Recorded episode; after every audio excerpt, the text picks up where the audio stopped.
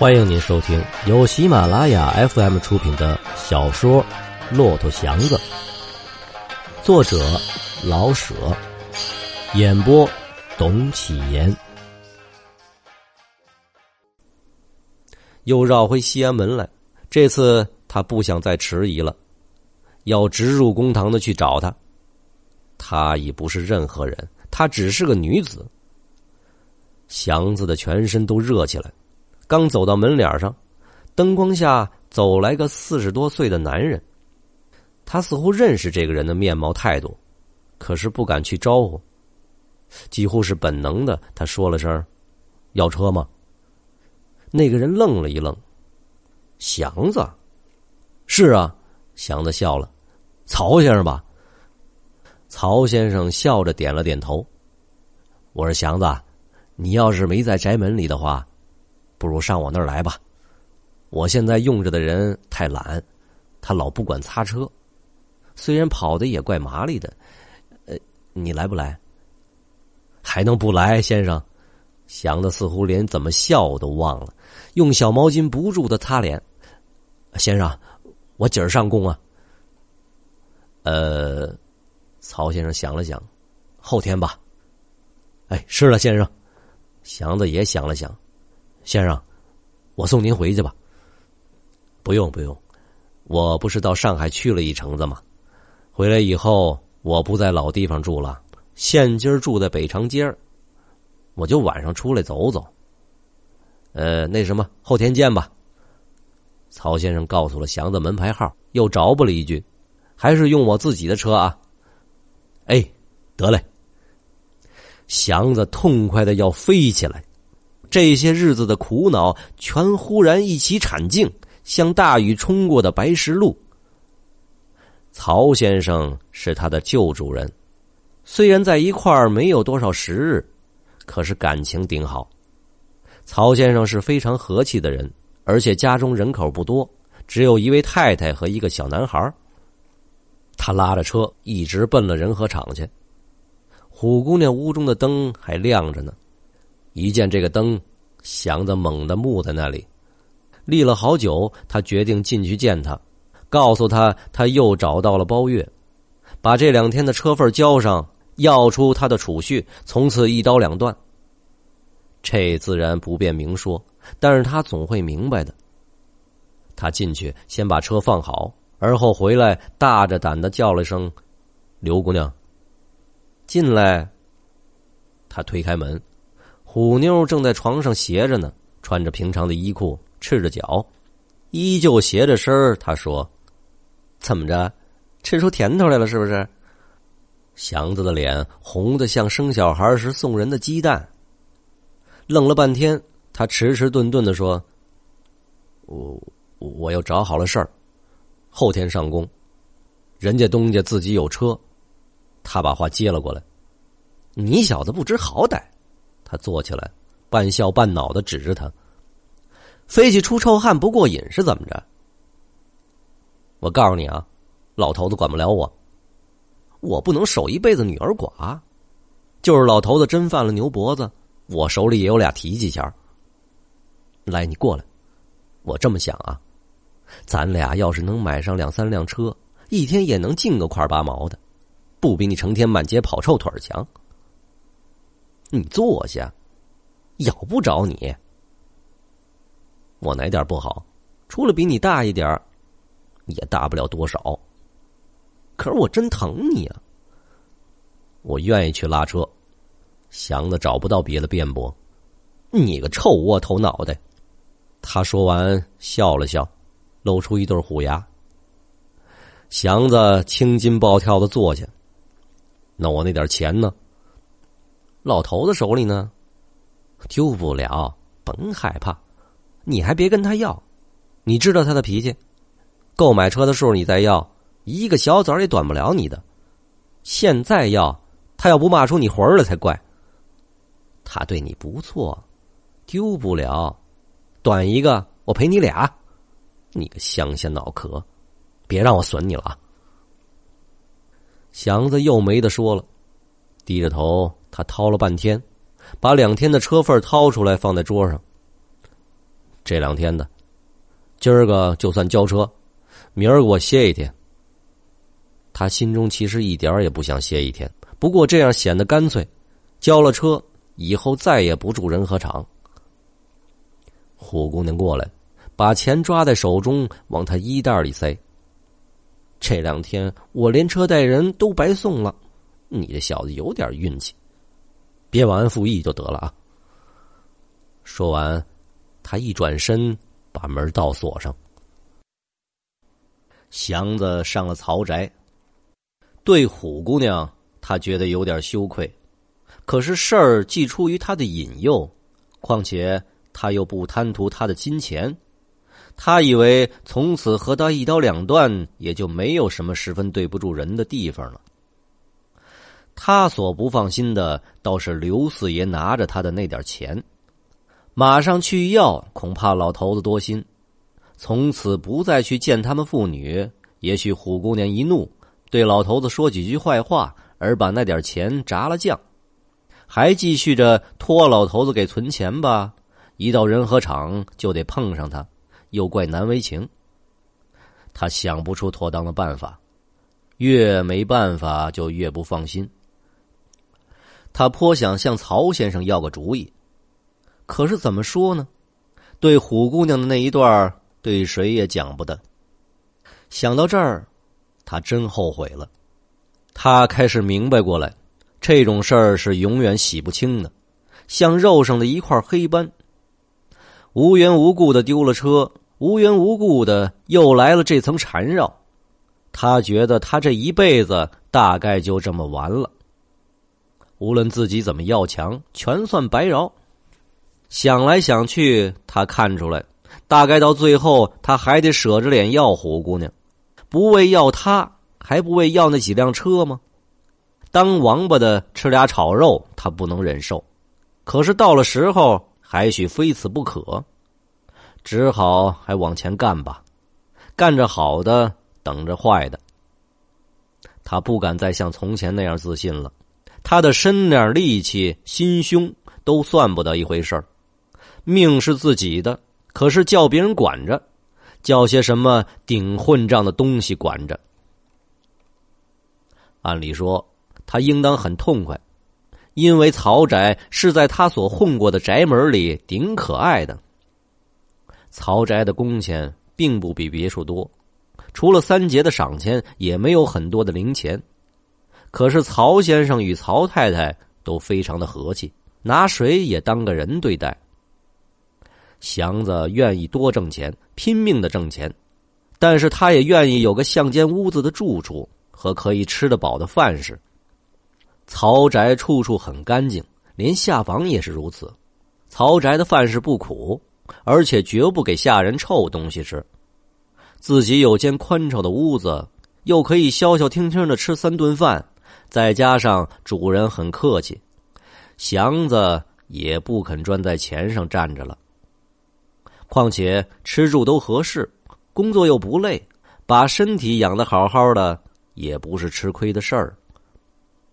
饭也是钱买来的，这笔账他算得很清楚。吃得好，睡得好，自己可以干干净净的像个人似的，是不容易找到的事儿。况且，虽然曹家不打牌，不常请客，没什么零钱，可是做点什么临时的工作，也都能得个一毛两毛的。比如太太叫他给小孩去买丸药，他必多给他一毛钱，叫他坐车去。虽然明知道他比谁跑的也快，这点钱不算什么，可是使他觉到一种人情，一种体谅，使人心中痛快。祥子遇见过的主人也不算少了，十个倒有九个是能晚给一天工钱就晚给一天的，表示出顶好的也是白用人，而且仆人根本就是猫狗，或者还不如猫狗。曹家的人是个例外，所以他喜欢在这儿。他去收拾院子、浇花都不等他们吩咐，而他们每见到他做这些事儿，也必说些好听的话。更趁着这种时节，他们找出些破旧的东西，叫他去换换洋火。虽然那些东西还都可以用，而他也就自己留下。在这里，他觉出点人味儿。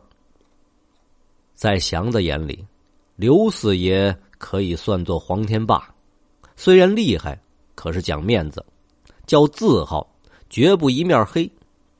他心中的体面人物，除了黄天霸，就得算是那位孔圣人了。他莫名其妙，孔圣人到底是怎样的人物？不过据说是认识许多的字儿，还挺讲理。在他所混过的宅门里，有文的也有武的，武的里连一个能赶上刘四爷的还没有。文的中虽然有在大学堂教书的先生，也有在衙门里当好差事的。字当然认识不少了，可是没遇到一个讲理的。就是先生讲点理，太太小姐们也很难伺候。只有曹先生既认识字又讲理，而且曹太太也规规矩矩的得人心。所以曹先生必是孔圣人。假若祥子想不起孔圣人是什么模样，那就必应当像曹先生，不管孔圣人愿不愿意。其实呢，曹先生并不怎么高明，他只是个有时候教点书，有时候也做些别的事儿的一个中等人物。他自居为社会主义者，同时也是个唯美主义者。他很受了威廉·莫里斯一点影响，在政治上、艺术上，他都并没有高深的见解。不过他有一点好处。他所信仰的那一点点，都能在生活中的小事上体现出来。他似乎看出来自己并没有惊人的财力，能够做出些惊天动地的事业，所以就按着自己的理想来布置自己的工作与家庭。虽然无补于社会，可是至少也愿言行一致啊，不落个假冒为善。因此，在小的事情上，他都很注意。仿佛是说，只要把小小的家庭整理的美好，那么社会怎样，满可以随便。这有时候使他自愧，有时也使他自喜，似乎看得明明白白。他的家庭是沙漠中的一个绿洲，只能供给来到此地的一些清水与食物，没有更大的意义。祥子恰好来到了这个小绿洲。在沙漠中走了这么多日子，他以为这是个奇迹。他一向没遇到过像曹先生这样的人，所以他把这个人看成圣贤。也许是他经验少，也许是世界上连这样的人也不多见。拉着曹先生出去，曹先生的服装是那么淡雅，人是那么活泼大方，他自己是那么干净利落、魁梧雄壮。他就跑得分外高兴，好像只有他才配拉着曹先生似的。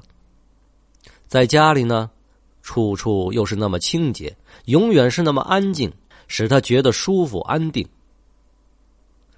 当在乡间的时候，他常看到老人们在冬日或者秋月下叼着竹管烟袋，一声不响的坐着。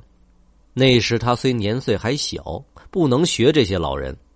可是他爱看他们这样静静的坐着，他揣摩着必是有点什么滋味现在他虽是在城里，可是曹宅的清静足以让他想起乡间来。他真愿抽上个烟袋，咂摸着一点什么滋味不幸，那个女的和那点钱叫他不能安心。他的心像一个绿叶，被个虫用丝给缠起来了，预备做茧。为这点事儿，他自己放不下心；对别人，甚至是对曹先生，时时发愣，所答非所问，这使他非常的难过。曹宅睡得很早，到晚间九点多钟就可以没事了。他独自坐在屋中或院里，翻来覆去的想着两件事儿。他甚至想起马上就去娶亲，这样必定就能够斩断了虎妞的念头。可是凭着拉车怎么养家呢？他晓得，在大杂院中的苦哥们们，男的拉车，女的缝熊，孩子们捡煤糊，夏天在土堆上拾西瓜皮啃，冬天全去赶粥厂。祥子不能受这个。再说呢，假若他娶了亲，刘老头子手里那点钱就必定要不回来了。虎妞又岂肯轻饶了他呢？他不能舍了那点钱，那是用命换来的。他自己的那辆车是去年初秋买的，一年多了，他现在什么也没有，只有要不出来的那三十多块钱和一些缠绕。他越想越不高兴。中秋节后十多天了，天气慢慢凉上来，他算计着得添两件穿的，又是钱呐！买了衣裳。就不能同时把钱省下，买车的希望简直不敢再希望了。即使老拉包月，这一辈子又算怎么回事呢？一天晚间，曹先生由东城回来的晚一点祥子为是小心，由天安门前全走马路。敞平的路没有什么人，微微的凉风，静静的灯光，他跑上了劲儿来。许多日子心中的憋闷暂时忘记了，听着自己的脚步和车公子的轻响，他忘记了一切。